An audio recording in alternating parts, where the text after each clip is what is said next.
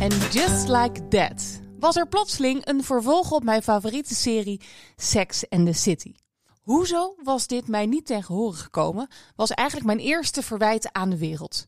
Ik, die de shoebox, voor de niet-kenners, dat was de dvd-box waar alle afleveringen zaten, stond als een reliquie in mijn studentenhuis. Ik ben in die woelige tijd menig cd en boek verloren aan een ex of een vriendin, maar Carrie, Charlotte, Samantha en Miranda, die bleef bij mij in mijn studentenkamer.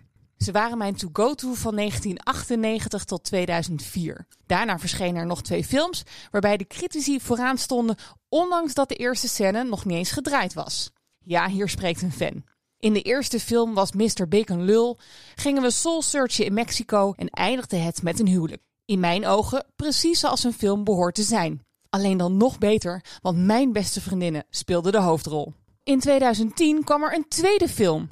Mijn geluk kon niet op. Inmiddels had ik zelf drie Mr. Bigs versleten en had ik ook genoeg geld gespaard om een paar degelijke pumps te kopen à la Carrie. En nu, twaalf jaar later, ten tijde van een pandemie en een verschrikkelijke oorlog, klopte ze geheel onverwachts op mijn deur, alsof ze het aanvoelde dat ik ze nodig had.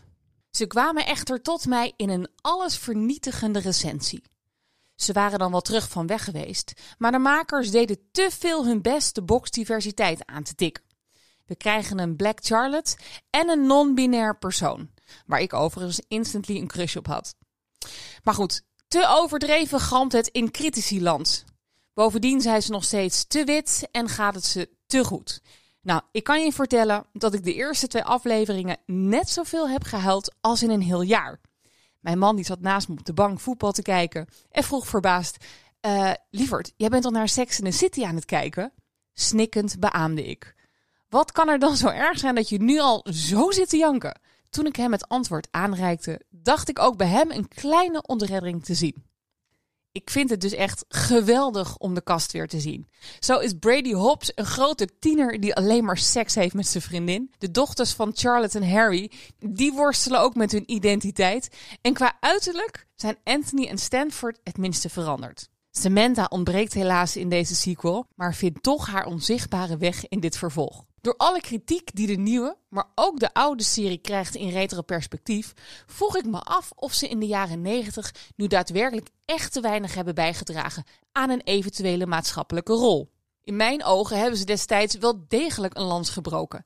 De serie was baanbrekend omtrent vrouwen en seks. Want wij mochten ook openlijk alles voelen, vinden en proberen. Iets dat toch voornamelijk voor mannen was weggelegd. Ze lieten ons ook zien dat je voor een carrière kon gaan en drie van de vier waren financieel volledig zelfstandig. Bovendien omhelste de serie de gay community in al zijn vormen. Van een huwelijk tussen gelijke seksen tot aan Carrie's vriendje die biseksueel was. We hebben het hier over de 90s. Goed. En just like that verdedig ik dus mijn oude vriendinnen. In een wereld die vele grotere problemen kent.